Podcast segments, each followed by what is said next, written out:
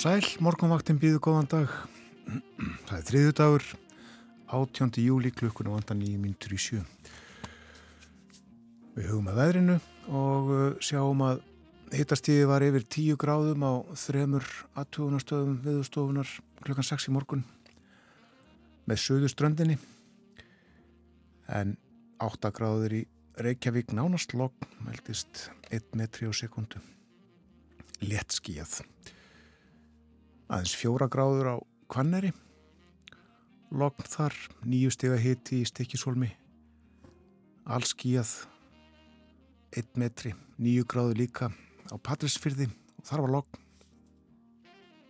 Sjösti í Bólungavík og 5 metrar á sekundu sjösti að hiti á Holmavík logn þar. 7 gráður á Blönduósi og 4 metrar. 5 steg að hiti við Söðunarsvita 7 metrar á sekundu 6 gráður á Akureyri skíjað, suðaustan 2 6 stíg að hitti á Húsavík og 4 metrar norðanátt. 5 stíg á Rauvarhöfn 8 metrar.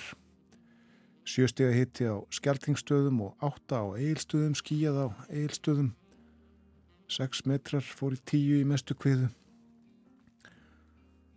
12 stíg á höfni hótnafyrði 12 stíg líka á Kvískerjum 11 steg að hitti á kirkjubæðaklaustri og vindræðin á þessum slóðum 8-9 metrar eitthvað svo leiðis kassara í mestu kviðum. 9 steg að hitti á Stórhauða í Vestmanægum 9 gráður líka í Árnesi. 2 gráður við Sandbúðir 11 metrar þar fór í 15 í mestu kviðu. 3 steg að hitti á Káranhjúkum 4 gráður á Holtaverðu heiði og á Hverjavöllum Svona viðraði á landinu klukkan 6 fyrir 53 mínútum.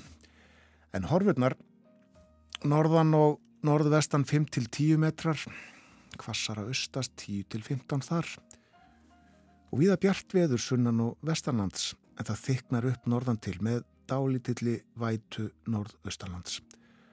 Það verður úrkomi lítið sítegis.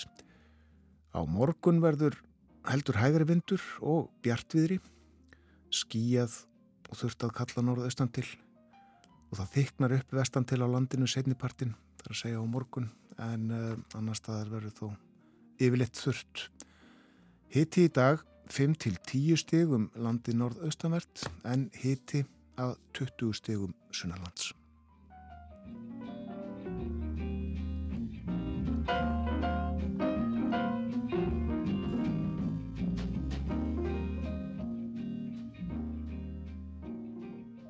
en gís við litlarhút og uh, við sínist gósið vera í svipuðum hamó í gerðmorgun, olgar þarna í gígnum sem að hækkar og hækkar. Var orðin hvað 22 metra hár minni mig. Líklega um miðan dag og sunnudag. Og ég gerir ráð fyrir hann hækki enn og úrrennur raun og það var heimilað eftir háti í gær að fara að góðstöðunum og margir gerðu það.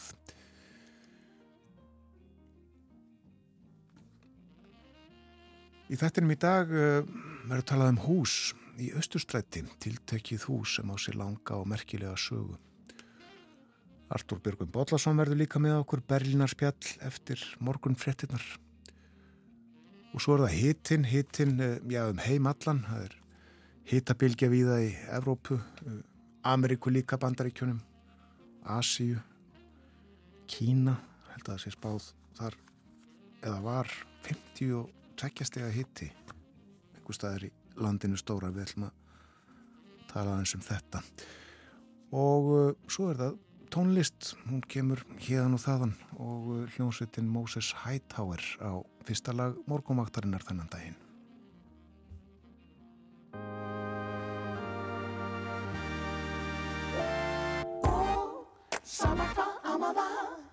þarna þegar við kvöldumst Klæðir sólskinni þið sífælt betur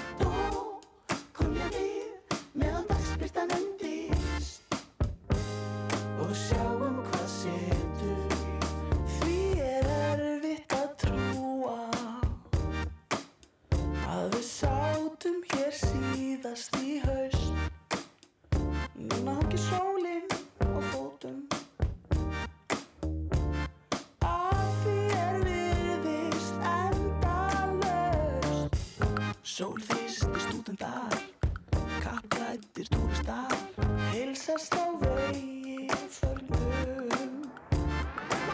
Nýgiftir íspinnar Svitna og örvanda Og etast af þiblum börnum. Sama hvað amaða, þarna þegar við kvöldum Klæðir sólskinni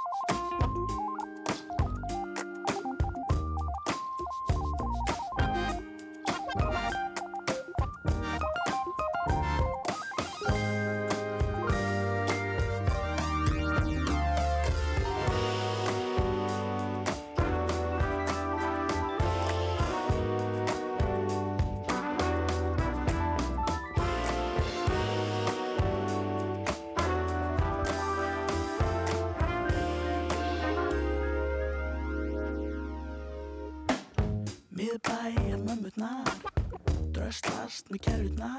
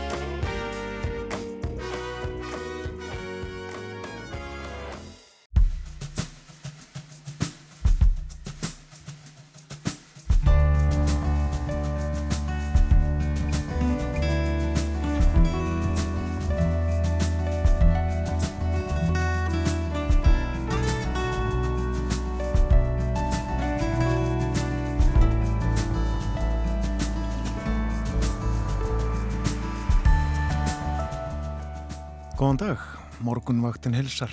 Þriðju dagurinn 18. júli er runnin upp. Um sjónamaður þáttarins er Björn Þór Sigbjörnsson. Löngum kabla í sögubæði landsbankans og austustrætis í Reykjavík er við það að ljúka. Bankin hefur nú flutt skrifstofu sínar í nýja landsbankahúsið. Það er við Reykjastræti. en afgreifslan í Östustrætinu verður opinn í rúman mánuði viðbútt. Þetta hús, Östustræti 11, það er einstakt að mjög mörguleiti íburðurinn er óinu mikill með að við hús frá þeim tíma er það var reist og listaverk Kjarvals og Jóns Stefanssonar auðvitað einstök merkileg.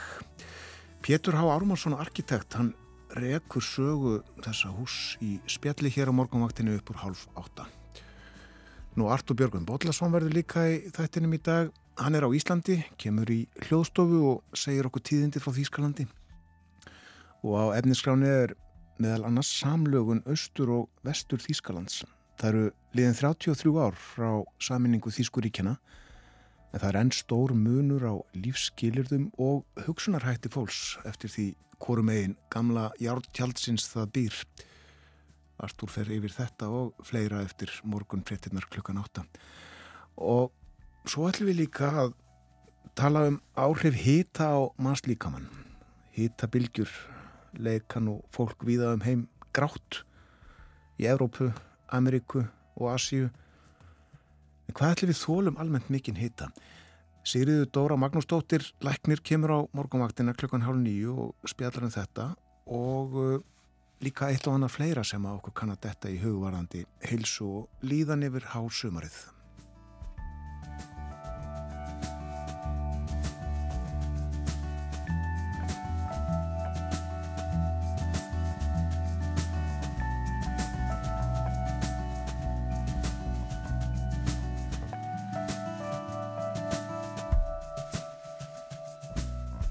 Hugum að veðurhorfum dagsins, hugleðingar veðurfræðings, svo hljóðandi þungbúið og fremur svalt í veðri norðan og austanlands með stífri norðvestanátt við austuströndina.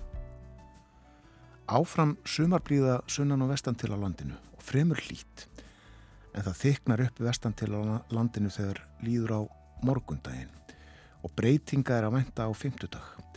Dáli til rigning eða súld með köplum sunnan og vestanlands en léttir heldur til norðan og austanlands og svo er útlitt fyrir hæglatisveður, sólar glennur víðast hvar en stöku skúrir í, í flestum landslutum.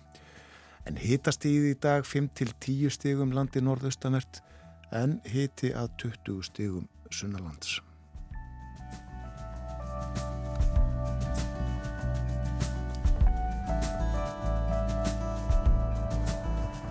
Og svona því að heimilað var í gæra að uh, fara að góðstöðunum á Reykjaneskaga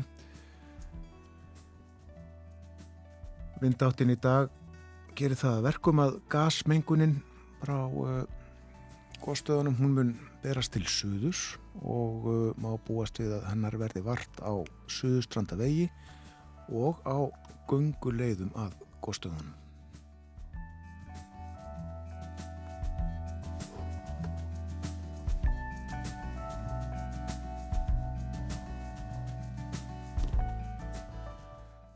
og uh, á fórsíðu morgunbladsins er mynd sem að tekjum var úr lofti af gígnum gær, ger ég ráð fyrir. Kraumar þarna. Í glænju hraunni þetta heitir kannski ekki hraun meðan þetta er enn í gígnum, ég skal ekki segja.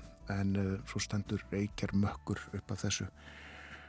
Og uh, má sjá líka farveg hraunsins þegar það rennur þarna niður með uh, og uh, farið stuttlega yfir það sem að gest hefur á uh, rúmri viku þessari rúmi viku sem að gósið hefur. Og stóra fréttin á fórsíðunni tengt þessu mesti mosa bruni frá upphafi skráninga segir hér og ég held að skráningar hafi hafist 2006 en þessi fréttir hér byggð á uh, frétt frá Náttúrufræðistofnun Íslands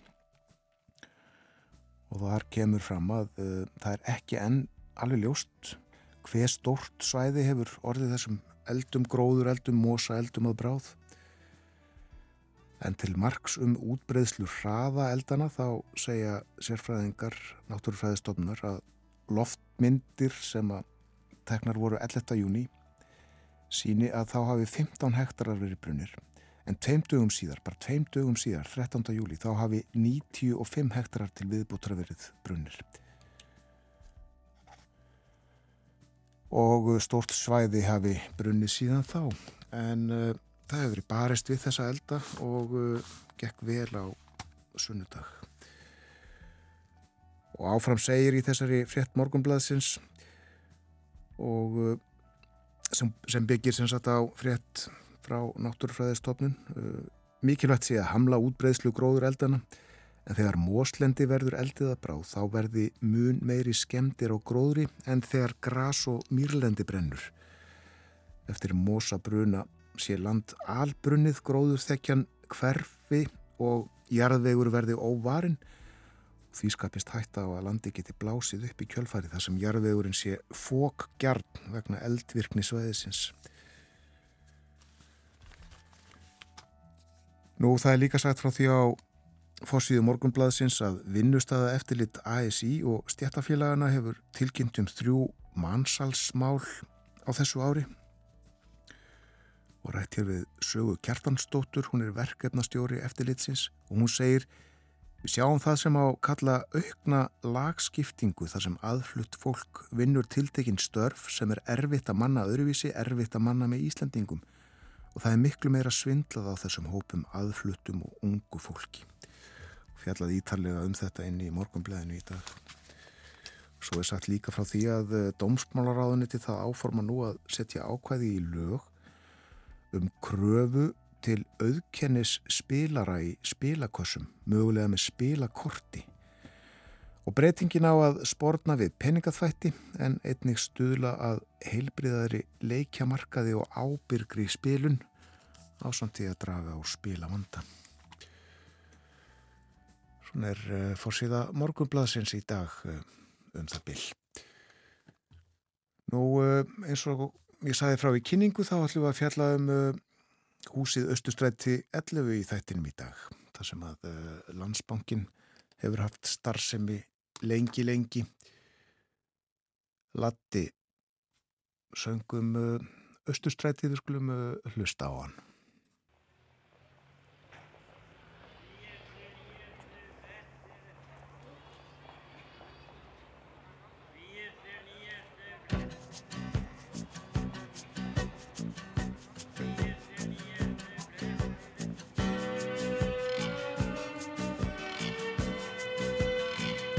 Austurstræti snara slétt og strega skónum með brósófur og tyggi gúmi í munninum. Ég lappa um og horfa á liði sem við þar í hópum. Frá lasarónum upp í snoppaða kettlingar Östustræti, ís og læti, fólk á hlaupum í yngaupum, fólk að tala, fólk í dvala og fólk sem ríki þarf að ala. Það standa bákandir í röðum landsbúnaðar útvegs og fyrir hundastendur hóraður alveg. Er fyrir að sitja feitir peningar að verðir Og passa óti kalli kom ekki og taki þá. Östustræti, ís og læti Fólk á hlaupum í einkaupum Fólk að tala, fólk í dvala Og fólk sem ríki þarf að ala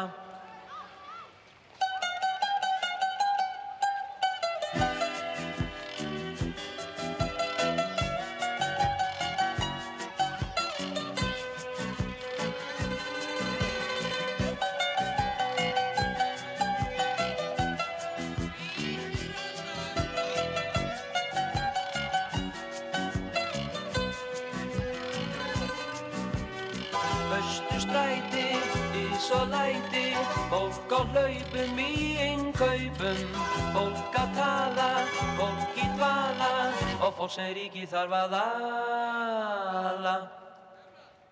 Ég er í Östustræti snara slett og strega skónum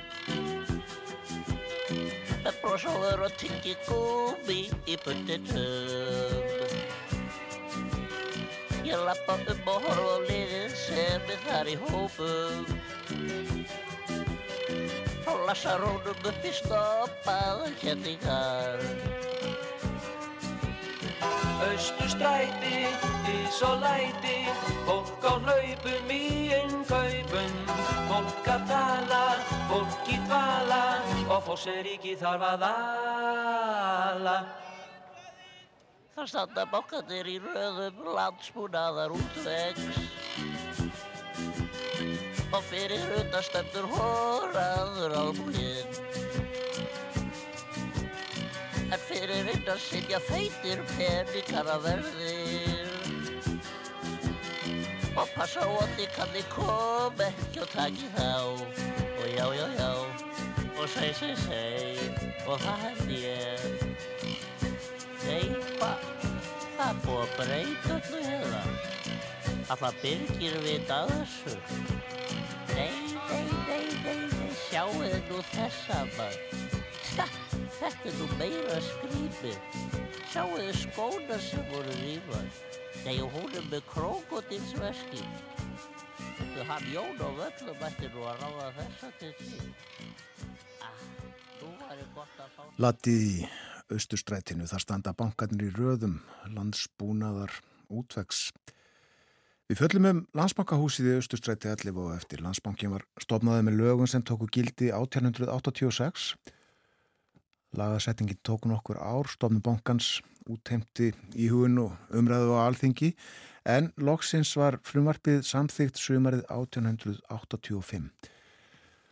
Og við þinglók það ár var konungi Kristján IX sendt ávarp frá deildum þingsins, báðum deildum efri og neðri og ég rakst á þetta. Í leitað upplýsingum um landsbankan garfaði aðeins á tímarætt.is það er óneitarlega mjög merkilegt að lesa þetta í dag þessum hvað 138 árum síðar.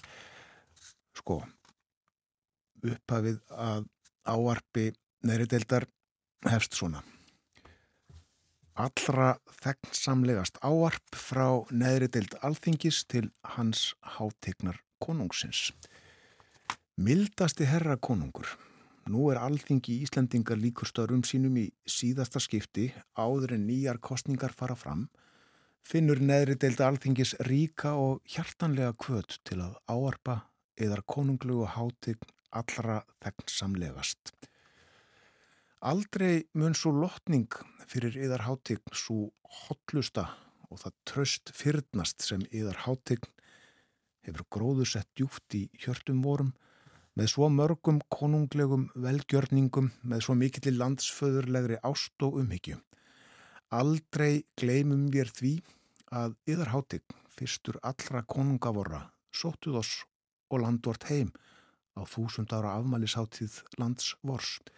Aldrei afmæliskjöf þeirri stjórnaskráni 5. janúar 1874 er veitti þjóðþingi voru, alþingi Íslendinga, þýðingameira og frjálsara verksvið en verið hafði aldrei þeirri konunglegu hjálparhendi er þér réttu landi voru og þjóð á tíma báinda og harðæris er við borð lág að óblíða náttúrunar eitti landvort. Allt þetta og mörg fleiri landsföðurleg ástar og umhyggjumerki yðar hátegnar hefur gefið oss þá hugunaríku sannfæringu og það óbifanlega tröst að þinn alvísa forsjón hafi kvart yðar hátegn og kallað til þess að framkvama það konunglega heitirði er þér gáð oss Íslendingum þegar í byrjun ríkistjórnar yðar í brefi 8. júli 1864 er yðar hátign í því, lísti yfir því, að heill Íslands lægiður ríkt á hjarta og að yðar hátign skildi leitast við að sjá og framfylgja hag lands vors, en það treystum við því að yðar hátign muni með stopnun landsbanka á Íslandi opna landi voru og þjóð nýja braut mikilvægra framfara í atveinu landsins og að stopnun þessi muni verða illiðurinn í því óslítandi hotlustu bandi sem knýtir hjörtu Íslandinga við veldistól yðarháttignar þó í fjarska sé og nafn yðarháttignar við endurist Íslands. Og niðurlægið var svona Við byggjum almáttugan Guð að blessa farsæla yðar konunglugu hátegn, ríkistjórn yðar hátegnar, yðar konunglega hús, lönd yðar og þegna. Og áarp efri deildarinnar var í sama dúr. En hvað er það? Landsbankin tók svo til starfa árið eftir, 1886. Staðnæmumst þá við fréttir af tækni nýjungum í bankaþjónustu. Árið er 1984, tæp 100 árið eru liðið frá stofnun landsbankans. Og uh, þá var sagt frá nýjung í bankunum, uh, fyrst nýjung hjá yðnaðabankanum, miklu yngri banka. Það er morgumblaðið sem að grindi frá. Tölvu banki opinn allan sólarhingin var fyrirsokk þessar fréttar.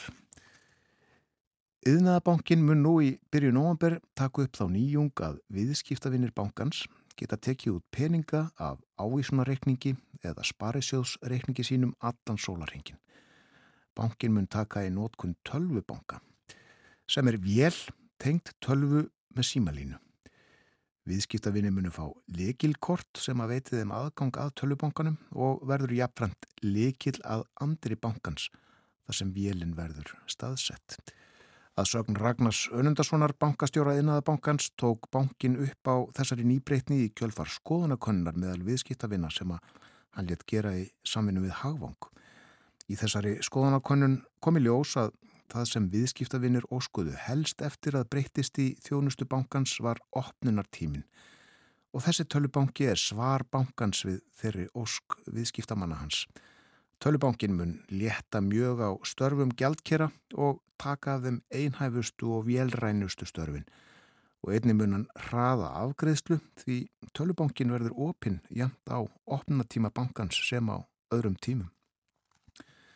Fyrstu vélarna verða settar upp í Reykjavík og í Hafnafyrði í byrju nóvambur en nokkru síðar á Akureyri og síðar verður tölubanki settur í öll útibú yðnaðabankans. Þetta var í oktober 1984. Og tæpu ári síðar þá buðu aðrir bankar upp á sambarlega þjónustu. Sjálfs afgreðsla í alla banka var fyrir sögn fréttar aftur morgunblaðsins.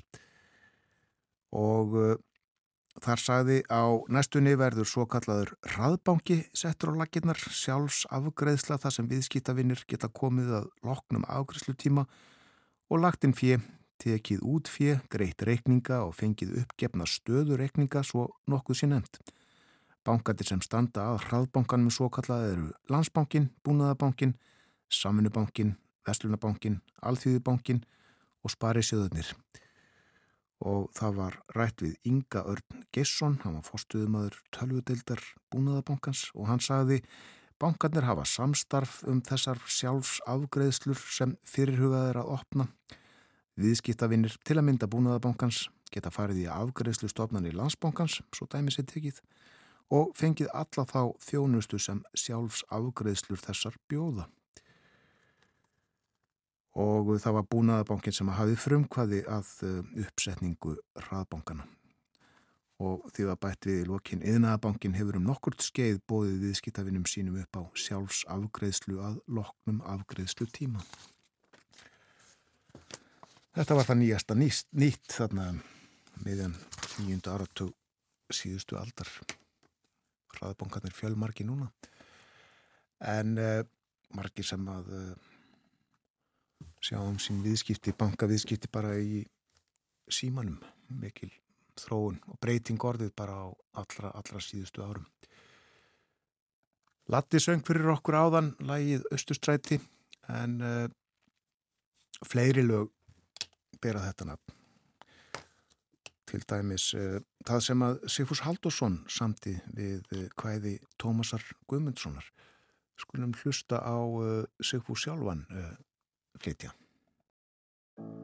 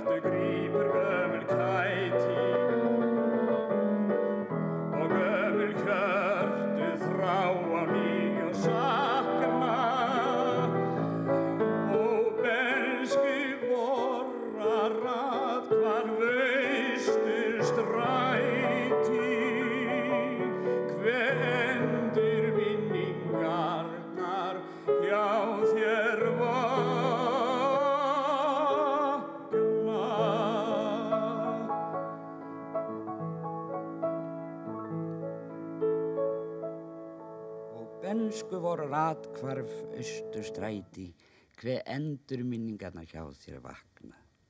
Austustræti en æskan gengur enn á þínum vegi og enn eru þeir til í voru landi sem elska meir á einum heitum degi en öðrum tókst í löngu hjónabandi. Létt yfir Sigfúsi þarna upptaka sem gerð var í sjónvarsal 1968, Östurstræti. Og þanga líku leiðin hér eftir fréttaðafilitið. Ég vek aðtökli á því að Þórðusnar Júliusson er í frí, er í sumafrí, ekkert spjallum efnahag og samfélag, korki í dagn ég allra næstu þrýðudaga. En uh, við tölum um banka og eftir ekki þó bankastar sem ég heldur uh, banka byggingu, getur við sagt, húsið í Östustræti 11.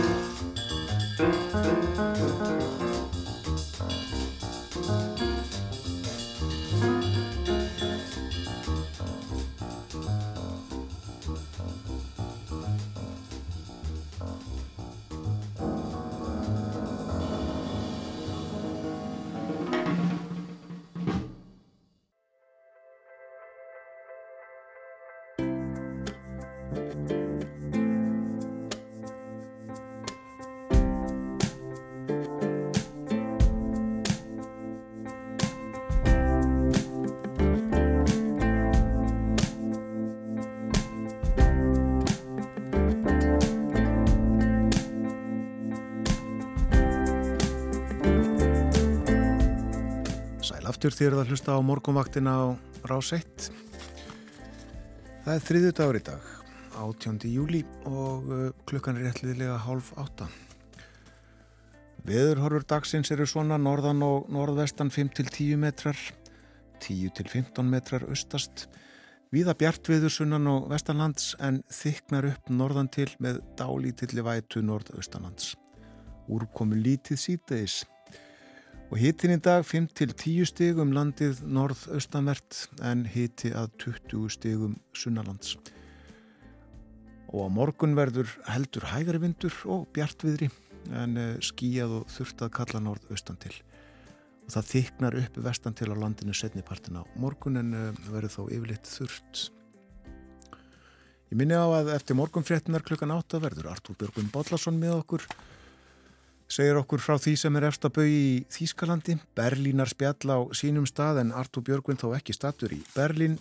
Hann er í Reykjavík og uh, kemur því hljóðstóðu og uh, svo milli hálni og nýju þá verður hér Sigriður Dóra Magnúsdóttir, hún er uh, læknir og jáfnframt frangandastjóri lækninga hjá heilsugjæslu höfuborgarsvæðisins. Við ætlum að tala um þessa miklu hita sem eru víða um heim.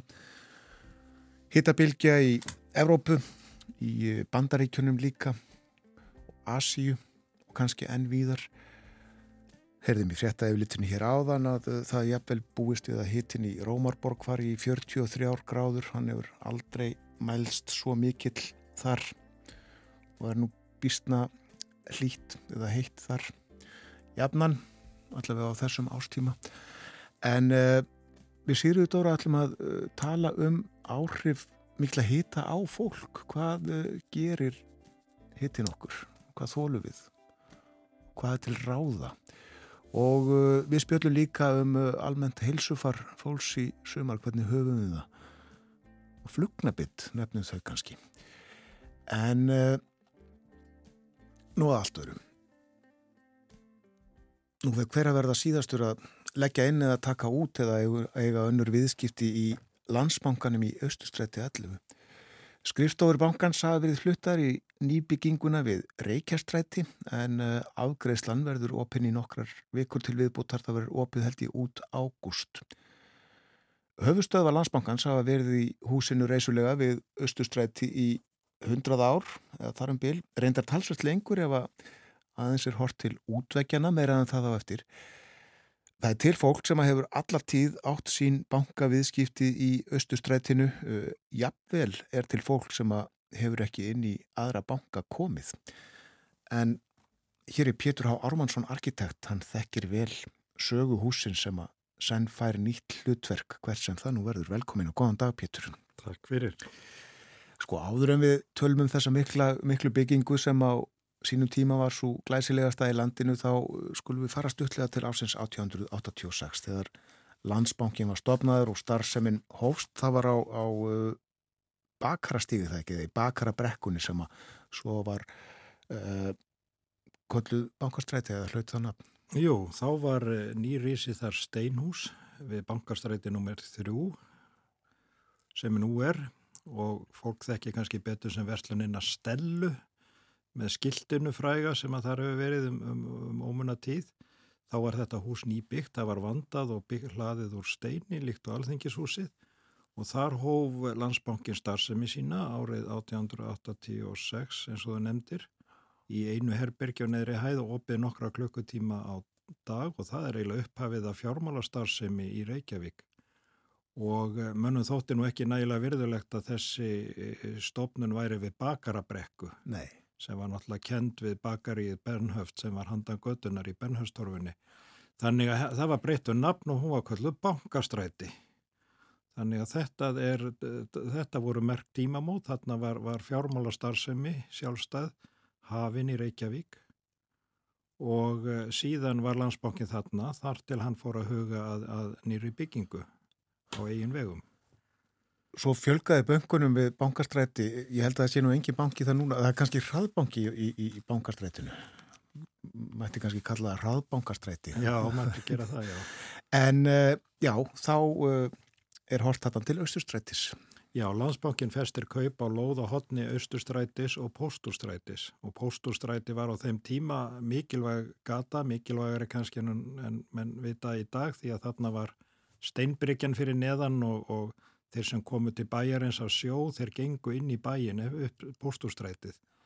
Þannig að honum bankanu var valin staður þarna á mikilvægum gatnamótum og það var mjög vanda til þessara bygginga sem bankin reisti á þessari lóð. Það var fenginn danskur húsamestari, Túrenna nafni, sem teiknaði tvíleifta eh, steinbyggingu úr hlöðnum steini en hún var ekki ólíkt alþingishúsinu, þá var hún eh, púsuða utan og, og skreitt með svona klassísku eh, skreiti í endurreysna stíl, konsólum og, og, og böndum og öðru slíku í anda eh, endurreysnarinnar í Flórens sem var nú gerðnan sá stíl sem að menn völd á fjármálastofnanir á, á 19. öld og þetta var eitt vandaðasta og, og, og besta hús sem hafði verið reist á Íslandi fram að þeim tíma, tekið í nótkunn árið 1899. Já, og týðkaði stöðu tekki að, að reysa svona hús og, og hvað þá að skreita með þessum hætti á þessum tíma? Þetta var alveg nýmæli í, held ég í byggingarsögu Íslands að, að þarna væri að þessi, þetta,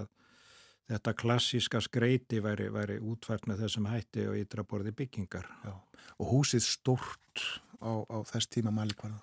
E, já, ekki kannski samt, ekki stórt á okkar mæli hverða en, en það var allavega mjög vandað og, og, og, og glæsilegt og var þar og þar var reyndar ekki, bankin notaði ekki allt húsið, hann var því að Fordgreipasafninu var komið fyrir á efrihæð húsins og það var þar um skeið alveg fram til 1909 er það fluttist í safnahúsið við hverfiskötu sem þá var nýreist. Er ekki það sem þjóðmínasafnið í dag? Jú, við þekkjum það sem þjóðmínasafn. Já, það var, uh, já, þetta mátti kosta skildingin, ekki til sparað. Já, það, það, það var mjög, það, það var alltaf til engjent eh, eh, landsbankana, hann hefur, hann hefur sínt mikið metnað í öllum sínum byggingum vanda til verks og það sem kannski mesturum verðt hann var haldið þeim mjög vel við.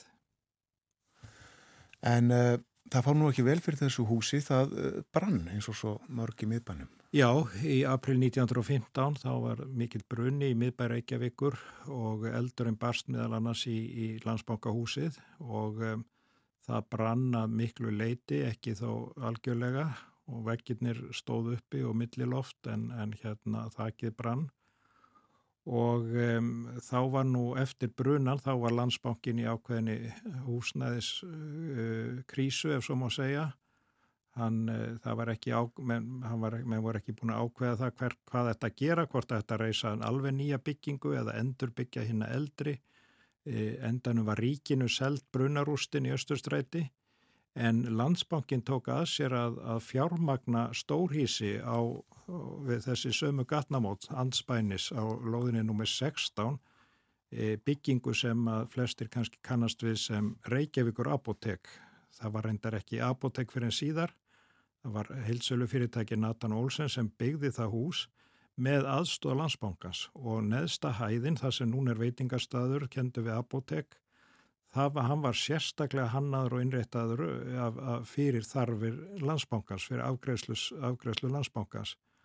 Og það var eh, ungur húsamistari Guðjón Samuelsson sem að teiknaði þetta stórhísi sem að var þá hæsta hús landsins byggt úr steinsteipu sem var nýtt efni og, og þetta hús varkaði svona tímamóti í byggingasögur Reykjavíkur. Það var eiginlega fyrsta svona stórborgarhúsi sem var byggt í Reykjavík eftir brunan 1915.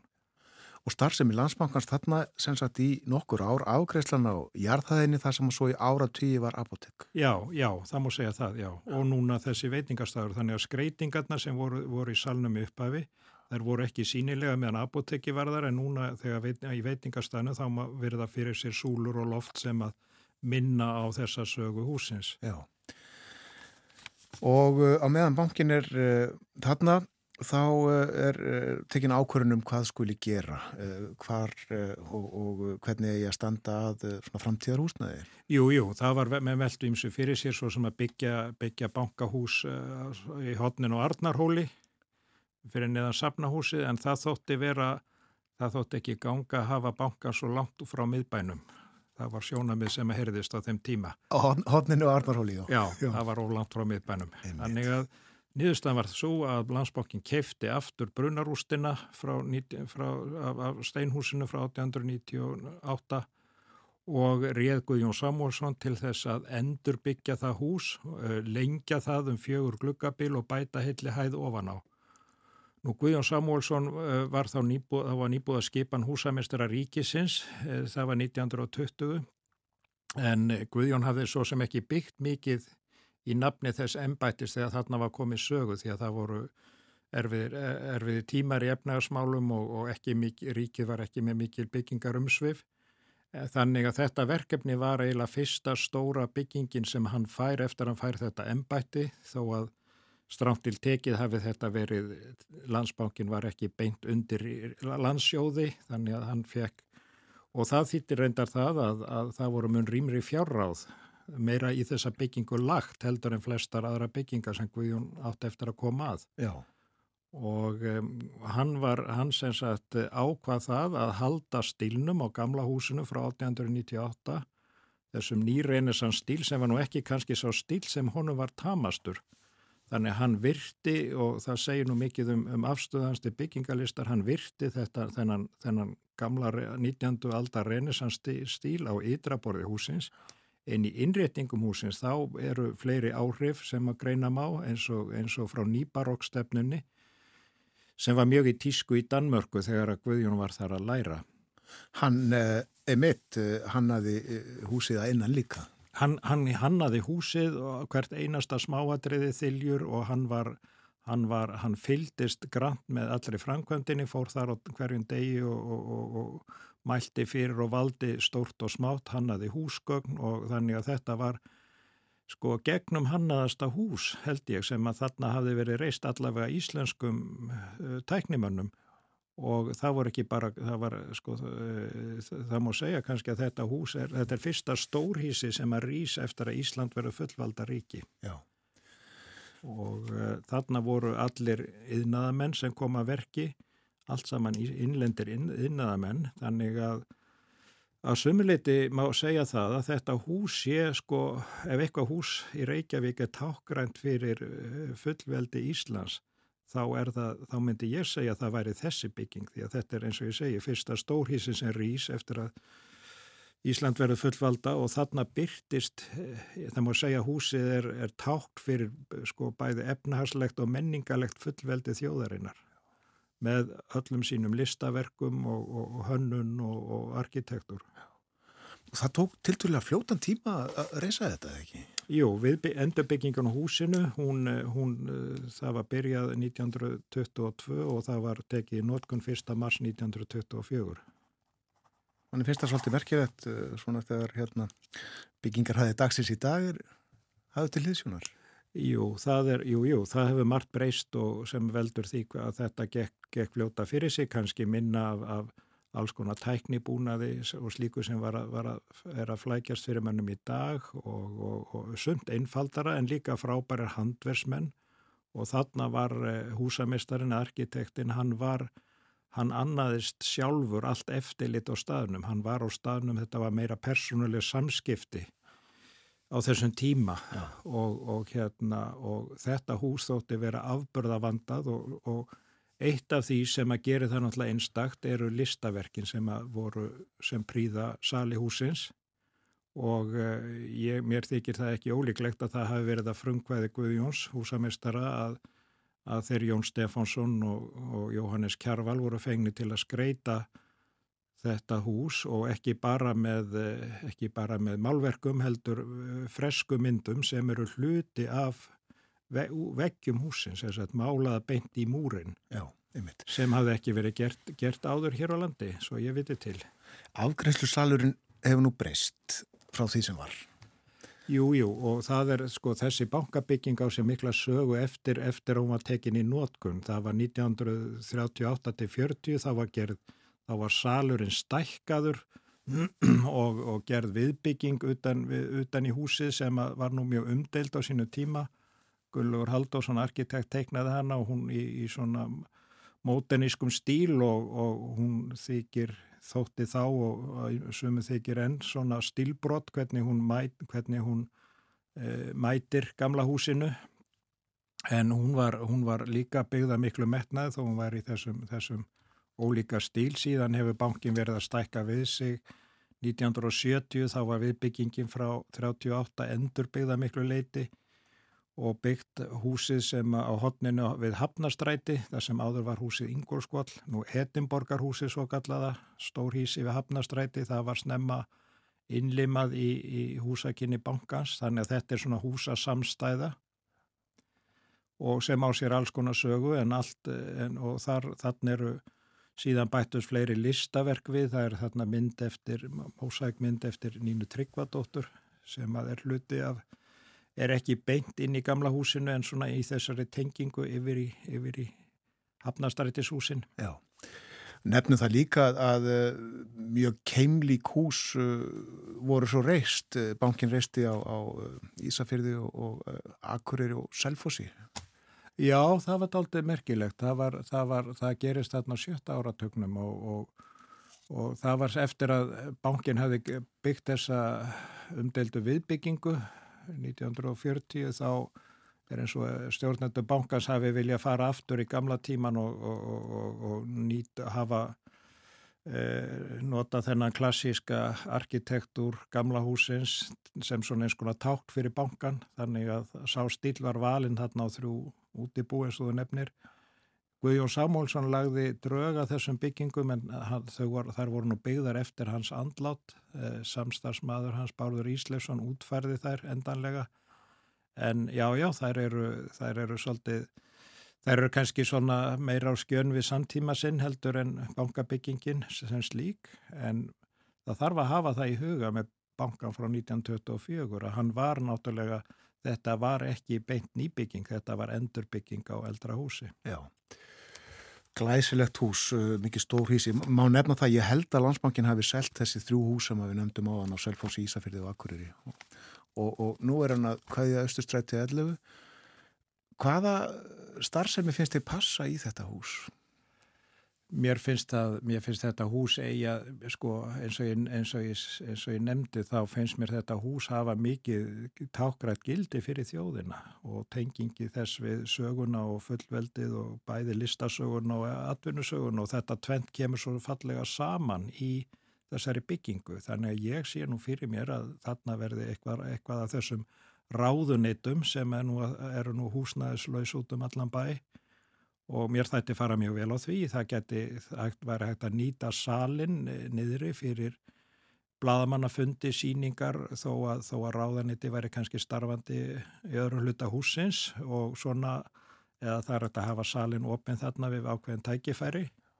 E, það er kannski full, e, mér, ég tel ekki að húsið hendi fyrir listasafn, það er of krefjandi má segja að það er erfitt að gera á því þannig breytingar að það, það fari vel fyrir, fyrir þarfi myndlistar en einhvers konar verðuleg ofinber stopnun. Vist eitthvað hvað stendur til? Hvuslas hugmyndir hafa, hafa verið réttir? Nei, ég, ég veit, veit ekki hvað er, á, hvað er á döfunni núna. Nei, nei, það kemur í ljós. Það er fór kannski í lokin hér um, um uh, þá uh, nýbyggingu landsbankans þarna við, við þessa götu sem að nefnist Reykjastræti. Já. Hvernig finnst þér til að hafa tekist þar? Sko það var svo sem e, þetta var afar dýrlóð, það var svo sem ekki augljóst að einhver vildi fjárfesta í þessari, þessari dýrlóð, Nú, hún er á mjög ábærandi stað þannig að það þurft að vanda vel til. Það hefur að, að ymsuleiti tekist vel til en, en mér finnst til dæmis að forma húsi þannig að það, það skikkir ekki á hörpu eins og margir óttuðust nú Nú þá eftir að koma í ljós hvernig gengi verður frá reykjastræti, mér finnst að það virka nú svolítið drungalegt eins og það er í dag en það ánáttúrulega eftir að vonandi kemur þar einhver gróður og falleg lýsing til að lifta þeirri, þeirri götu. E, mér finnst þessi hugmyndum Stöðlabergið, mér finnst hún kannski hafa verið ofnótuð í byggingunni, ég hefði kosið það að hafa hana bara hafa þetta sérstakka efni á hlutahúsins en síðan eitthvað fleira, eitthvað önnur efni á móti til að brjóta það meira upp og kannski lif, hafa það eilíti ljósara því að óneitanlega þá að það verið vanda til hönnunar og þessu nýju byggingum þarna við Hafnabakkan þá eru, er það daldið, þá slær mann hvað, hvað, hvað það eru dökkir og drungalegi lítir á þessum húsum, það hefði verið mikil, það hefði svona lift borgarbragnum í skamdegin að hafa þarna ljósari, byggingar í ljósari litum. Já, en gríðilega mikil breyting sem að hefur orðið á miðbænum bara á örfáum árum. E, þetta er einhver mesta breyting á miðbænum held ég bara nánast í sögunni þannig að maður segja það hann hafi með því að byggja þarna taka austur höfnina til undir nýbyggingar þá hafi byggingarmagn, ég geti trúa því að byggingarmagnið í kvosinni hafi tvöfaldast þannig að þetta er mikil breyting margt hefur tekist vel, annað ekki anvegs vel eins og gengur í þróum borgarinnar og, og, og Hún á eftir að halda eflust áfram að þróast, tengingi við lækjartorg, húsið þar á eflust eftir að taka einhverjum breytingum, hérna svarta húsið sem að fæstum þykir nú fallegt. Þannig að það eru ennþá tækifæri. En smá saman er nú miðborgin, þessi ef við tölum um gömlu kvosina sem miðborgina, þá hún er svona taka á sig nokkuð endanlega mynd. Það er nú ekki mikið svigrum þar fyrir miklar rótæka breytingar í framtíðinni.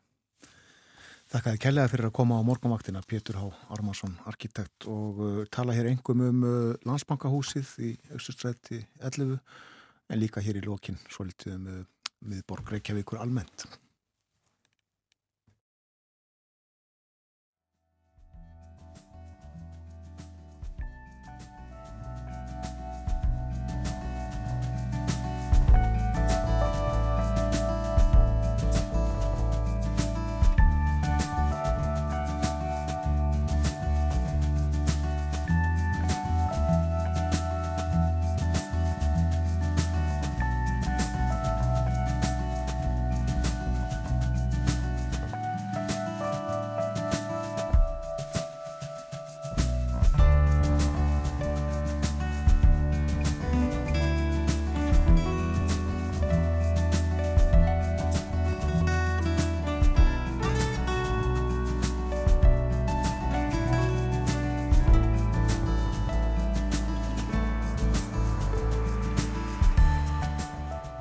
Pétur H. Ármannsson, arkitekt, haldin út í daginn. Við töluðum hér um landsbankan í Östustræti og eins og ég sagði í yngangi. Ég held að það sé stemt að því að uh, útibúið, banka, afgreðslan sjálf uh, verði opinn til mánaðamóta ágúst-september. Ný afgreðsla mun svo opna þá í uh, nýja landsbankahúsinu í Reykjastræti. Hér eftir fréttina sem að koma eftir rúmar 5 minútur verður Artúr Björgvin Bóllarsson með okkur, Berlínar spjall á sínum stað á þriðju degi á morgunvaktinni og milli hálf nýju og nýju þá ætlum við að tala um hitan mikla sem er uh, víða og uh, áhrif mikil sita á mannslíkamann Sigriður Dóra Magnúsdóttir Læknir og frankantastjóri Lækninga hjá heilsugjæslu höfuborgarsvæðisins verður hjá mér.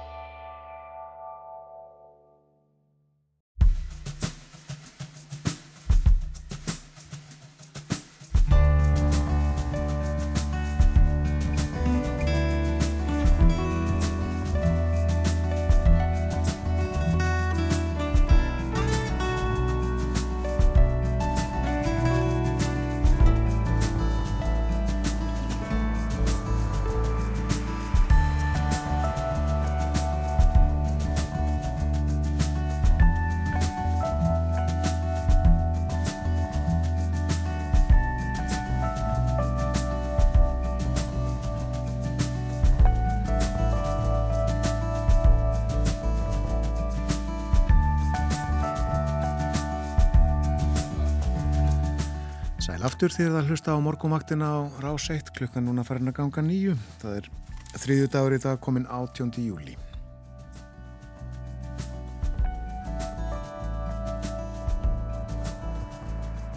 Og verður nú fjallaðum þýsk málefni. Komið að Berlínar spjalli. Artur Björgvin Bodlason, ekki í Berlín heldur í hljóðstofi Reykjavík. Góðan dag, velkomin í þáttinn dag. Góðan dag, hvað er fyrir þetta? Já, uh, töluðu nú, byrjuðu nú uh, spjall okkar í síðustu viku á hlýjindunum hittabilgjunni í Berlin er ekki gott að koma að hinga bara í svona 16 gráður eitthvað svo leiðis.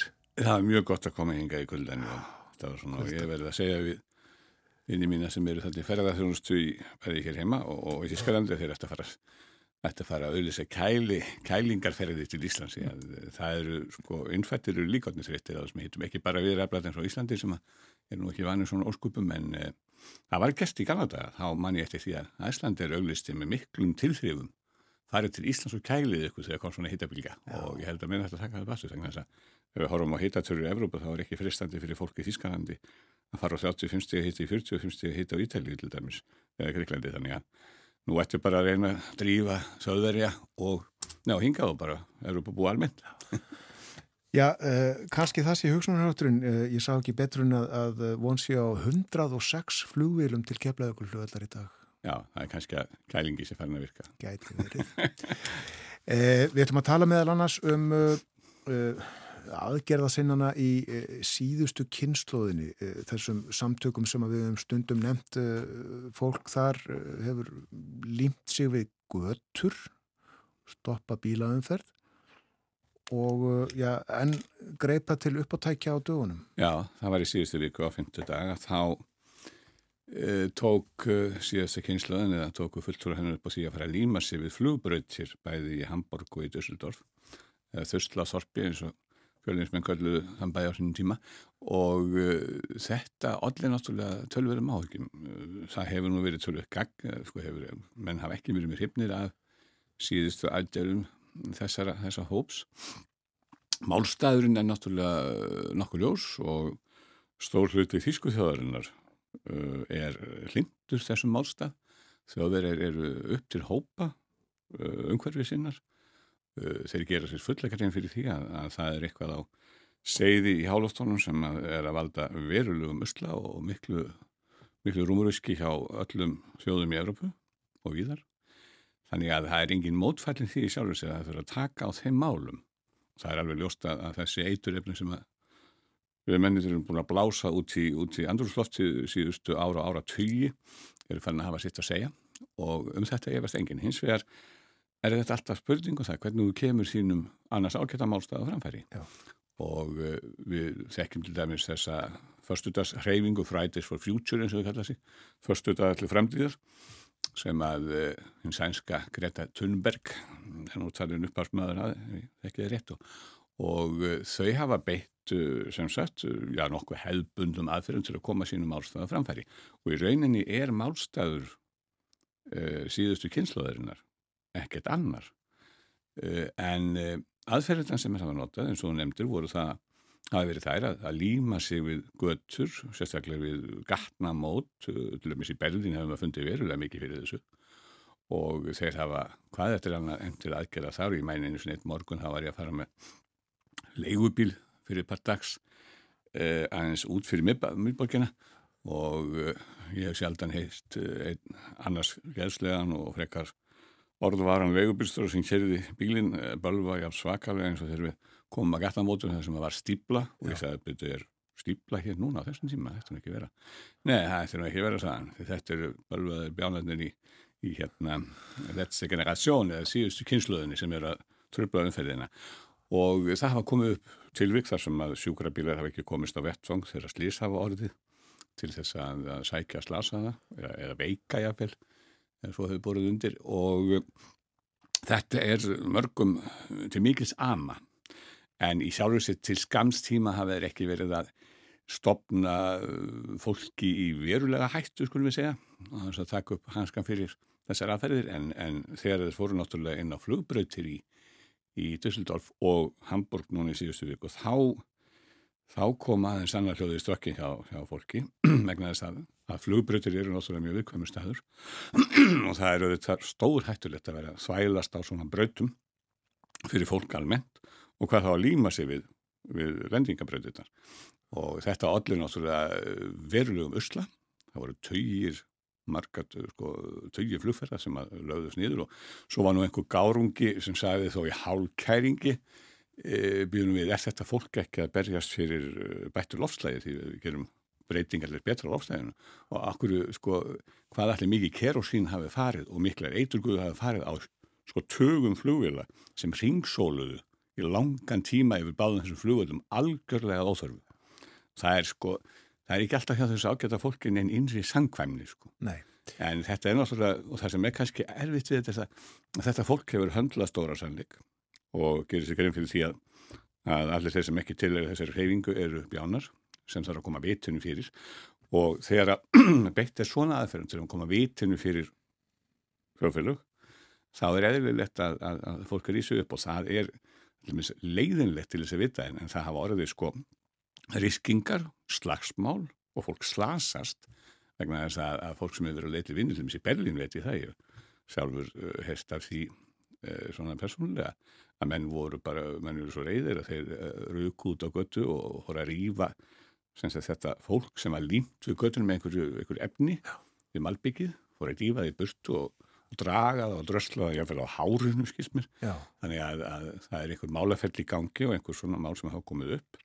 En þetta er alveg og ef að sko nú er verið að íhuga það að lögsækja þetta fólk sem fór þetta inn á flugvillina í, í þessum borgum vegna að það er algjörlega á skjörnum við all lög og allar reglur að vera að valsa um flugbröyti það, það er bara stór hættuleg fyrir þú getur að stopna hundruðum ekki þúsundum manna í voða.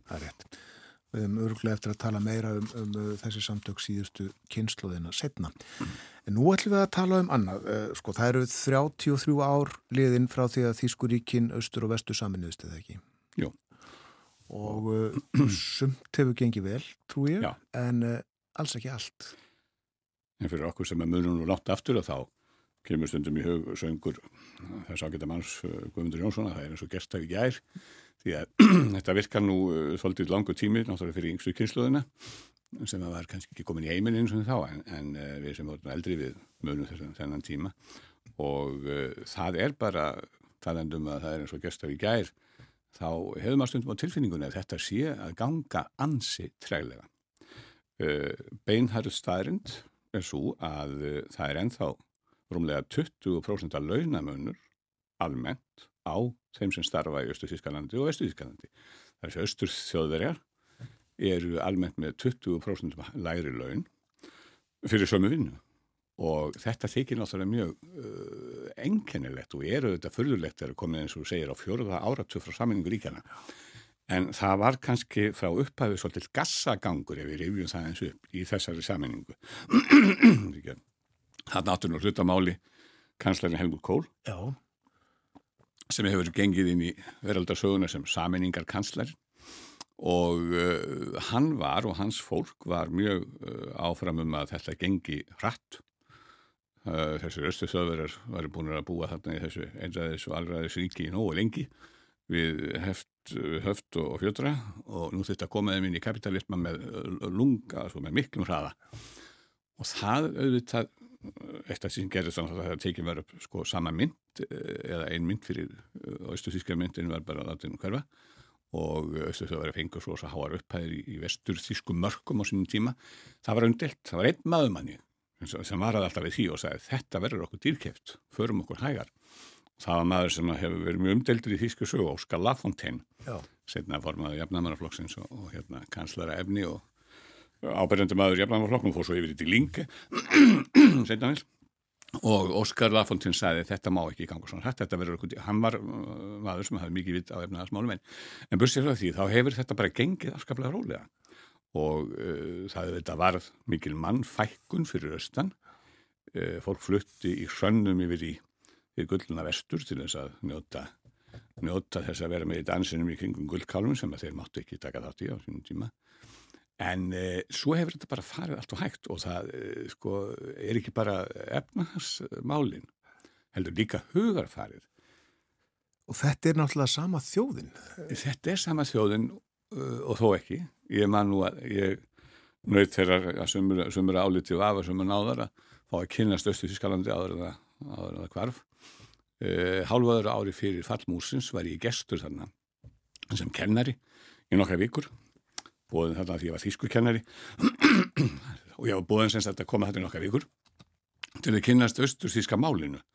Og ég held nú eins og þú segir þetta verið sama þjóðin en komst nú að því að máli var nú svolítið annað vegna þess að þjóðfélagsgerði var allt önnur þannig að það var fullt af orðum og hugdökur sem var ekki til í Vestuðskalandi vegna þess að fyrirbærið sem við listu voru ekki til. Og önnur voru ekki til í málinu því að kapitalismin var óþektur þar. Og það var tölvöður munir í. Mér fannst sko að það var yfir þessu fólki mjög mikil ró. Ég hefði alltaf lært í Vestuðskalandi og var spenntur að kynast östinu. Eh, tungumáli var auðvitað í grunninn þar sama en eh, mér fannst andrúnslofti gjör ólíkt sem það varu þetta. Þetta fólk var, máttu náttúrulega ekki taka þátt í, í dansunum í kringum gullkálfin. Þannig að uh, það, var, uh, það var svona rói við lífinu, það var mjög hægara, menn kerði ekki um á neinum svakalegum uh, bandaríkum kökkum, heldur allir á lítlum trafböndum sem voru afskaplega lítil, litli bílar, komist ekki margir inn í eins og menn vissu og voru einhverju búður til einhverju plasti þannig að máttu náttúrulega anda og þá döttur í sundur. En, en það var sem sagt bara þannig að að fólkið var svolítið að það stöðvaði mann á götu, það spjallaði saman á götuhóllum, það var svolítið öðru sér stemning og það var bara því að voru tryggð lámaslaun og ég komst að því til dæmis að það voru heilu fyrirtækin starfandi, þar sé fyrirtækin sem höfðu verið starfandi og höfðu verið lagð nýður af því að þau glemst á einhverju fimm ára áallin, þá fóru menn alltaf hverju, í hverju vik og sóttu launin sín og þegar ég komst að þessu þá spurði ég konur sem að, saði mér frá þessu og bendi mér á þetta. Akkur eru verið að segja það laun? Það er bara, talið mannréttindi er að fá laun og ef að ríkinu tekst ekki út eða fólki laun þá bara heldur það áfram fá köpið sitt. Og ég sagði, já, þetta voru svo borgara launin sem nú er réttum í á Vesturlöndum. Þau voru til þarna þá, En þetta er uh, verulega mikil munur og, og þeir sem að urðu kannski eftir, nú er ég ekki að setja fram þennan sakveði kenningun en það er eins og þeir sem að urðu eftir voru kannski eldri kynslu en unga fólki streymdi frá austurnu yfir í vestrið til þess að taka þátt í jafintilinu En eftir var svona fullotnara fólki kannski og ég hef hitt alveg svakalega margt fólki gegnum tíðina í Þískalandi sem að náði ekki beigunni. Fólk sem var komið á miðanaldur hafði alveg upp í þessu austur þíska alþjóðu lífildi. Það bara fótaði sig ekki í kapitalinu, það fótaði sig ekki í samkeppninu, það fótaði sig ekki í grimdinni sem að allt í hennu þurfti að fara að berjast fyrir því að, að fá viðurkenning á sínum, sínum hérna, sko, námi, fá viðurkenning á því að gæti eitthvað og væri eitthvað. Og það bara lippaðist niður og þau, eru alveg gríðarlega margt fólk sem að bara reynilega misti móðin. Svo sé ekki meira sagt. Lífskoðan í fólks uh, og þær eru ólíkar. Já, sumuleiti, náttúrulega, sko unga kynsluðan þetta, uh, það er komið heil kynsluð sem að fór náttúrulega bara inn í samin að Þískaland Já. og hún er ekki þessari mynd en, en, en senst þetta eldri kynsluðan og hún er ennþá svona til, sko, með svolítið önnu svona með og það kemur til með fram í politíkin, við höfum margóft rættaði þessu Þískalands og Belginarspjall okkar að að uh, aukaflokkurinn AFD sem að nýtur í sumum uh, hlutum Vestuðískalans ekki mikið fylgis, til dæmis sáralítis fylgis í Berlín og, og, viðar í Vestuðískalandi, hann er með sko yfir 30% fylgi í sumum Vestuðísku fylgjanum eins og í Þýringalandi, Þýringen og, og Sæslandi. Er sko, þetta er sterkasti flokk, stjórnmálaflokkurinn í dag samkvæmt konunum og þetta hefur auðvitað með ástandið að gera. Það eru mikil sárindi, vonbriði fólk er ósátt við lífið það hefur, þó að það hefur verið delt peningu þannig austur, Já. þá hefur þetta ekki hefnast Þetta hefur farið að byrja því að þessu, þessar saminningu ljúki bæði sagt, til höfus og handa Þannig að þetta hefur farið allt, allt öruvísi heldur en Kóls á fyrir sér á sínum tíma Ó já, hann taðið um blíjandi landsefn á sínum tíma, hann sagði þess mun skamt að býða allt landslægið í Östu-Þískalandi, bæði efnalega og bara landslægi sjálf muni blómstöða eins og aldrei fyrr og en þessi blómstur er ekki ennþá komin upp og það er ekki ennþá orðin þetta þessi mikla blómsturun sem hann báði. Nei Artur Björgum, þú valdi lag til þess að leika eftir þetta spjall okkar. Eh, þetta er svona ja, rockballaða, powerballaða er um kvölduð sko. Já, þetta er lag eftir Skorpjóns, Skorpjóns. Þeir eru gríðarlega vinsari og hafa verið allar hann tíma sem ég hef verið í Skarandi. Þetta eru strákar sem komið saman í Hannúfur í kringum rétt við 1970, þar var ég nú í námi setna og þeir sem sagt gerðu þeirra lag sem að varða svona eins konar lag eða tápsöngur fyrir saminningunum heitir Wind of Change eða Vindarbreytingana Hlustum á það og, og, og dillum okkur með. Kæra þakki fyrir komin í dag Alls Björgum Bollarsson Takk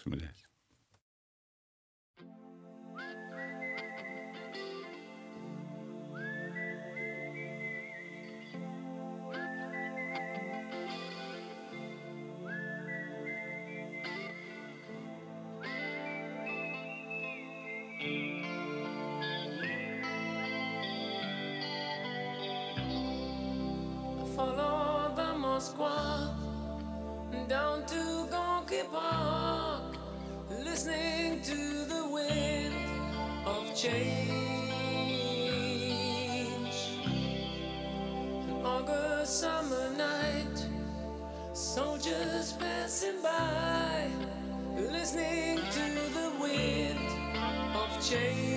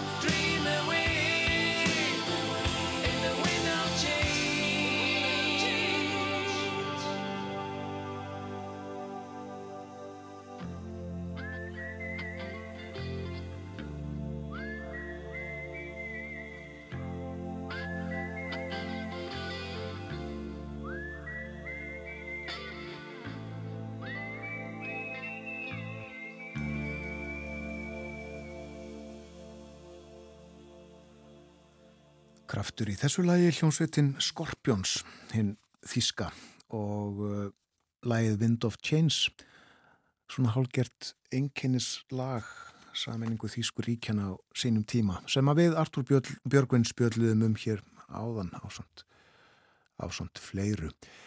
En það líður að frettaði við litið hjá okkur kemur eftir tæpar fjóra mínútur eftir það ætlum við að tala um hitana sem eru víðað um heim.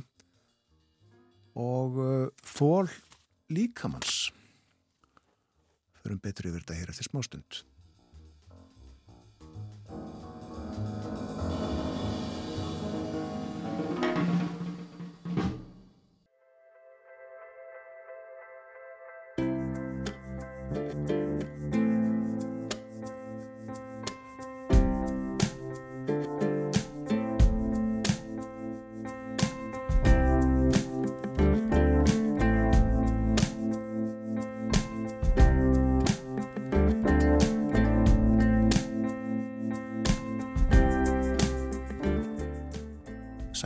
Nýþyrð að hlusta á morgunvaktina á rás 1, klukkan er rétt liðlega hálf nýju, síðastir hluti þáttarins í dag framöndan.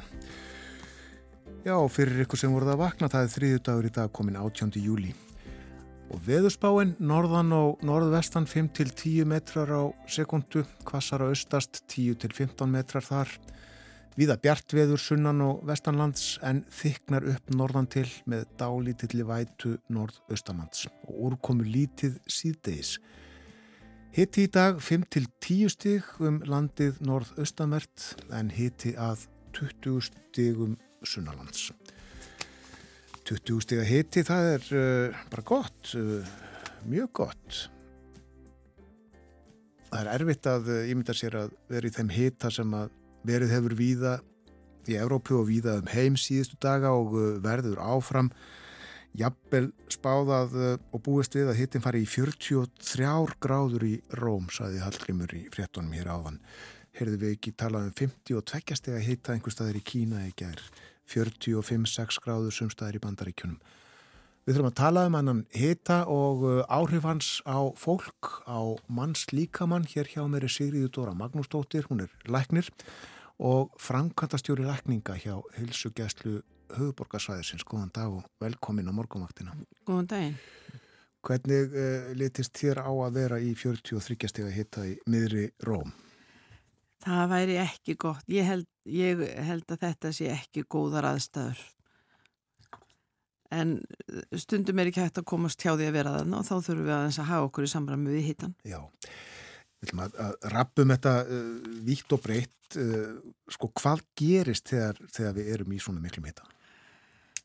Uh, það er náttúrulega, við, það, þetta er svo mikið álag á allan líkamann að vera í svona miklum hitta að við verðum bara að hæja okkur. Við verðum að gera eins og innfættir og þeir sem að hafa búið lengi í svona miklum hita er bara að hæja okkur og haga svona því hvað við erum að gera eftir, eftir því hvað tími dagsins er, forðast að vera úti þegar það heitast. Við þessar aðstöður er enda bara heitt allan sólarhingin og þá þurfum við að gæta okkar allan sólarhingin. Við eigum til dæmis ekki vera að fara hrætt yfir, við eigum ekki vera að reyna á okkur. Við þurfum að bara reyfa okkur hægt reyna að þannig við erum ekki að fara í ykkur, ykkur hlaup eða útivist eða eitthvað svo leis þannig að það, það verður bara að býða þannig til aðeins kólnar. Hættan er svo mikil á við, við missum svo mikil vökva. Og við verðum þess að passa líka upp á bæt okkur vökvan og það er ekki alveg sama hvaða vökva við setjum í okkur, við þurfum náttúrulega vatnið. Vatnið er náttúrulega gríðarlega mikilvægt en við þurfum líka að fá, fá í okkur salt og steinefni og þá eru til dæmis orkudrykkir ágætir. Við þurfum líka að gæta okkur að því að vera ekki mikið að drekka vögva sem að valda því við losu meiri vögva því að til dæmis áfengið, bjórin, þá, þá, þá veldu því í rauninni að við pissu meira. Já, eins og hann getur nú verið freistandi? Til dæmis, hann er mjög freistandi og ég er ekki að, er ekki að tala gegn kannski einu og einu glasi en svona bæta sér upp vögvatappi með, með bjóri engungu, það er bara mjög slemt Já. því þú ert að lendi inn í vítarhing og bara losa meiri vöku heldur að fara í þig.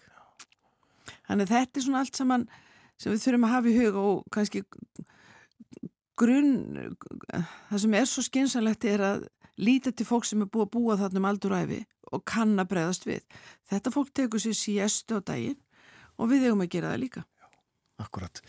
Já og uh, það er vatnjá og uh, orkudrykkir, uh, ekki mikið áfengi. Er sem sagt uh, útgufunin uh, svona það hættulegasta við? Já, ofþornunin er það. Af því Það, og það er oft þurrt og það bara gufar upp úr okkur og við þurfum til að passa upp á að, að, við, að við þurfum að fara á klóstið og bara, bara losa þvag og náttúrulega ef maður er með börn sem er náttúrulega sérilega þá þurfum við náttúrulega að passa upp á þau væ- væti bleiuna þetta allt saman segir okkur um hvað við erum, hvað við erum vel vökuð Hvað með áhrif á uh, líffæri eins og hjarta til dæmis og, og, og blóðrásin alla? Jú, þetta hefur náttúrulega, er bara álag á allan líkamann að vera í svona miklum hita.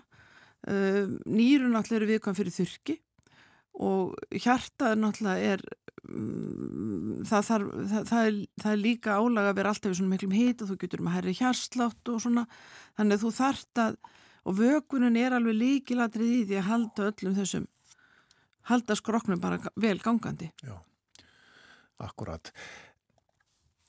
Líkamshitin okkar er uh, 37 gráður, mm. eða ekki? Mm Við þólum ekki 37 steg að hita vel. Nei, það er rétt. Við þólum hann ekki því hann er, við erum vönið að hafa húð, húðhittin er, er lægri þannig við þurfum, við þurfum lægri hitta til að, til að allt gangi vel. Þannig að við, við, okkur líður ekki vel í 37 stuði hitta til lengdar en við getum alveg verið þar í eitthvað tíma þá þurfum við bara aðlá okkur. Við þurfum að passa upp á að klæða okkur ekki mikið, við þurfum að vera í léttum fötum og alls ekki vera út í sólinni, ekki útsetja sér beint fyrir sólina því þá hittnar hittnar enn meira.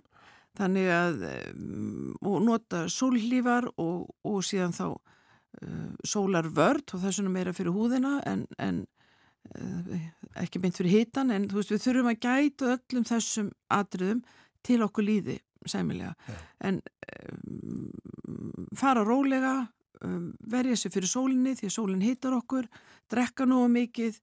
Þetta er svona grunnatriðin Hver eru svona þolmörkin ef svo má segja? Hvað þólum við mikinn hita svo vel sé?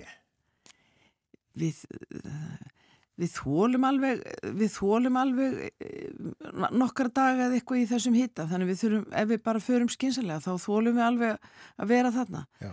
en uh, þetta snýst meira því hvernig við hugum okkur í hittanum heldur en akkurat að segja að þú eftir fjóra daga þarf að fara þetta fer eftir hvernig við hugum okkur með að við erum á þessu svæði Og þau kunna þetta á, á sögulegum slóðum eins og þú segir. þau kunna þetta sömulega stón og þau klæða af sér hittan Já, klæða af sér sólina einmitt. Og uh, fara inn yfir hádægin. Já. Já. Borða lítið, þú borðar á mótnana og svo borðaru lítið yfir daginn og borðar ekki þunga máltið fyrir en aftur á kvöldin. Það er eins og innfætti gera. Þannig að þú ert bara í léttum, léttum mat yfir daginn og aðalega vökvun og þá þarf þetta eins og ég segja að hann að gæta þið fá ekki bara í vatn, þú þarf þetta að fá í því eitthvað að drikki sem innihalda orku og sölt og, og svona. Já. En það er nefnilega það sko að uh, síestan og það að borða uh, seint uh, þetta á sér sínar ástæður. Þetta ásið sína ástæður, þannig að þetta er, um, það, það, er það er ekki gott að borða þungamáltið yfir daginn í svona hitta og þannig við eigum að, ef við viljum gera það, þá eigum við að gera það sent á kvöldin. Já, við höfum talað hér um uh, hitan, við höfum að tala kannski aðeins um kuldan. Mm. Hvað þólum við mikinn kulda? Það er svo sem saman, þá hefur við náttúrulega klæð okkur vel og um, við þólum alveg drúan kulda en ef við erum vel búin og þá þurfum við aftur á móti að verja okkur vel í andlitinu og, og þeim bara því sem er, því sem er út en við þólum alveg vel kuldan það er uh, en þá er svo sem hægir þá hægir líka með ná starfseminn aðeins til að svona til að, til að nýta orkuna betur. Þá er við allt annað að eiga þetta ekki, þetta vökvatap og, og ofþórnum, það er náttúrulega ekki, ekki. Já, uh, þetta var um uh, þetta fólk sem að uh, er að fara út eða Mhm. er úti og að, að hlusta á okkur það, hérna, já, það þarf að gera ráðstafanir. Það þurfum allir að gera ráðstafanir og vera búin að byrja sér vel upp bæði af vögva og náttúrulega allstaðar náttúrulega nóti sölu á þessum stöðum. Uh, tryggja, tryggja vögva nummer eitt. Svo með ekki heldur gleyma því að, að sólin er erfið. Við þurfum að verja okkur fyrir sólinni. Við þurfum að nota hatta eða höfuklúta og uh, verja líka húðina, nota sólakrem því að sólinn er, hún er náttúrulega mjög um, sterk á þessum stöðum og sólinn er ekki góð fyrir húðina okkur þannig að við þurfum að mun eftir nota sólakrem og svo náttúrulega og sérilegina á þetta við um börn við þurfum öll að verja okkur með sólina með léttum fötum og sólakremum og svo gæta ennfrekar að börnunum. Já, akkurat. Tölum þá um, um ástandmála hér heima. Hvað getur þú sagt okkur svona um almennt heilsufar fólks? Jú, heilsufarið er nú bara nokkuð gott. Það er komið sumar og þá alltaf mingan og þessar umgangspestir sem betur fer. Það eru vor og, vor og haustpestar en við erum líka meir úti.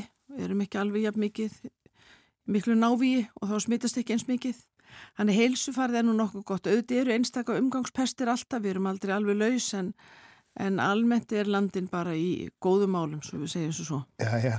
Er lúsmíðið að stríða okkur? Já, lúsmíðið er að stríða okkur. Um, við erum heyrt minni um það í ár heldur en, heldur en önnur ár, hvort það er að því að það var svo kallt í vor, veit ég ekki. En lúsmíðið er að stríða okkur og við þurfum að verja okkur við því. Við þurfum að lúsmíðið virðist vera komið til að vera og það er hægt að, að verjast tí með til dæmis með lúsmi fer frekar og kreiti í ljósaskiptunum þannig að við erum ekki úti í ljósaskiptunum og klæðað af sér vera með hulin vera í einhverjum léttum léttum fötum með síðarma og síð, síðleggja. Þetta er það, það verður mann fyrir lúsmíðinu Já, mm. en uh, verðum við fyrir biti? Hvað er þá til ráða ef eitthvað? Jú, það eru náttúrulega þessi ráða, það er bara heilmikið til í apotekunum í lausasölu, það er náttúrulega getur, ofnamistöflur geta hjálpa við kláðanum og uh, kælandi krem sem eru til í apotekunum, jafnvel mild sterakrem ef að bitið er mjög mikið ángra. Þannig að uh, þetta er allt saman til og, og hjálpar. Já, það gerir það. Það hjálpar, já. já. já. Og fólk getur búist við að eiga í þessu eða, eða við þetta í Hvað fá hann að daga eða? Já, þetta gengur yfir nokkur dögum, það, það er bara svo mísmyndu hvernig hver veit bregst við þessum bitum en þeir sem að bregðast illa við þá tekur þetta nokkra daga Já. og getur fyllt þessu slæmi kláði þannig að þá er bara að nota ánæmistöflunar og kæla þetta. Leita fólk til læknis út af lúsmi bitum?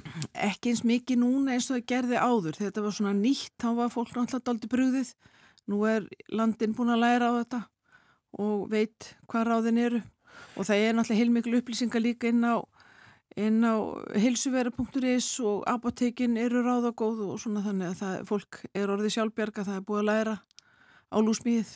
En hvers vegna bregðast við svona uh, misjaflega við? Uh, sumir uh, eru bitnir og, og já, þetta er bara allt í lægi, aðrir eru bitnir jafn mikið en, en líður alveg óbúslega illa. Já, ekki veit ég, en það, þetta er bara mismunandi í í líkamann hjá okkur hvernig ónæmiskerfi bregst við svona áriði við, ég, það er engin einlitt skýring á því, það er alveg óbáslega mikið af húsráðum með til að verja spiti og um, ég ég held að það sé að við getum verið allan daginn að telja þau öll sem vil upp en ég lofaði ekki neittir að gera gagn sko. eina gagni er reyna að forða spitið Já, mm. akkurat eh, Þú talaður um ofnæmislif eh, mm. sem ráð við biti mm. eh, langar aðeins að spyrja út í ofnæmi vegna þess að margir eru nærrandi og, og hóstandi yfir sumamánuðina mm. sko er gróður ofnæmi útbreytara nú en var?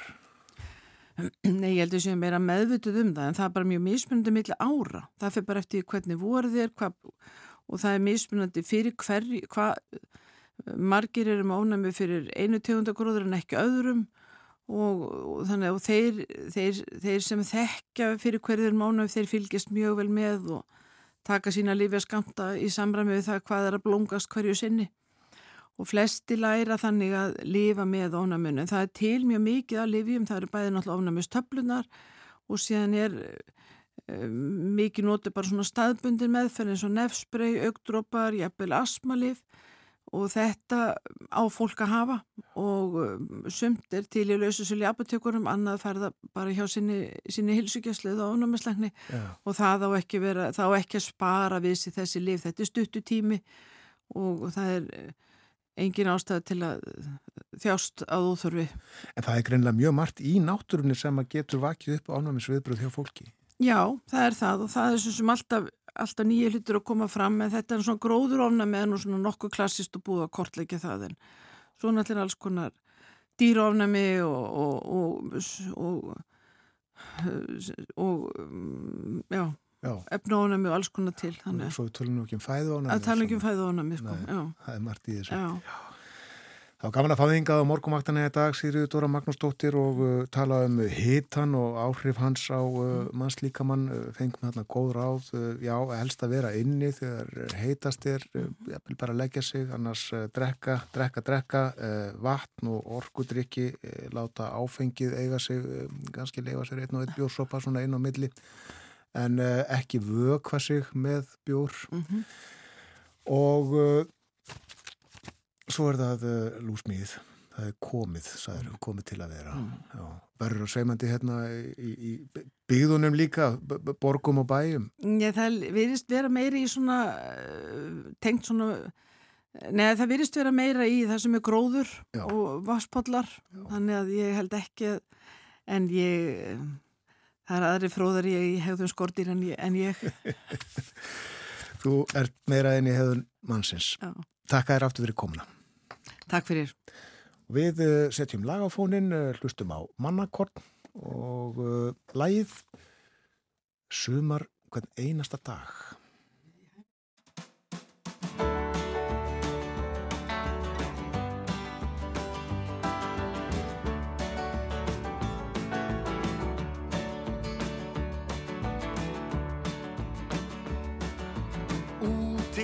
er magnaður miðsumardagur. Í dag fer mörg flugan á kreik. Hafið svo dimblátt og heimilin fagur. Lífskvötin lifnar í leik. Landið mitt fagra og landið mitt fríða. Með fjöll þín og Fjallkonan skelfum hún illa í það. Tvö þúsund og fokkin sjö. Sól er í minni og sól er í sinni. Blúsinn hann sefur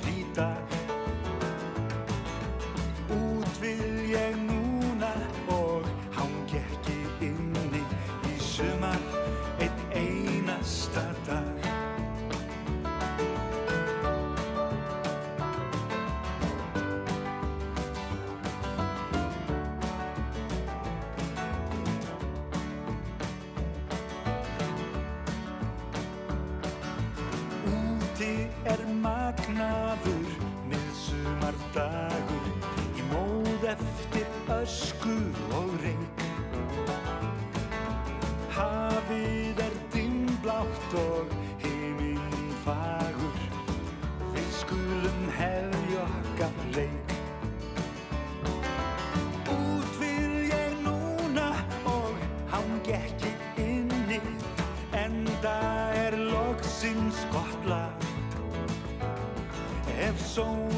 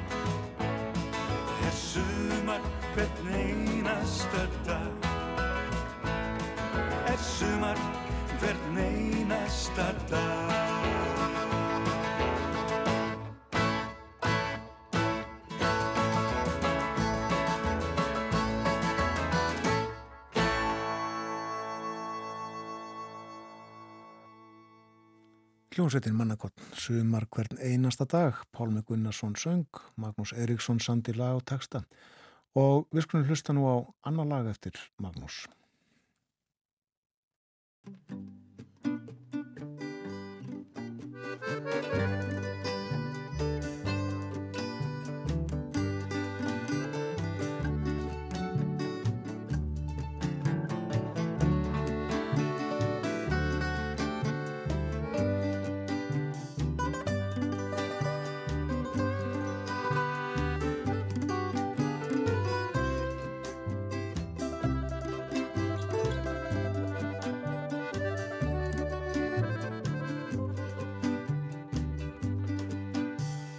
Kátur út um dyrnar Við blasir heimurinn. Híminn blár er bláminn Himneskur jökullinn. Óbyðirnar kalla Og ég verða gegna þeim. Ég veit ekki hvort eða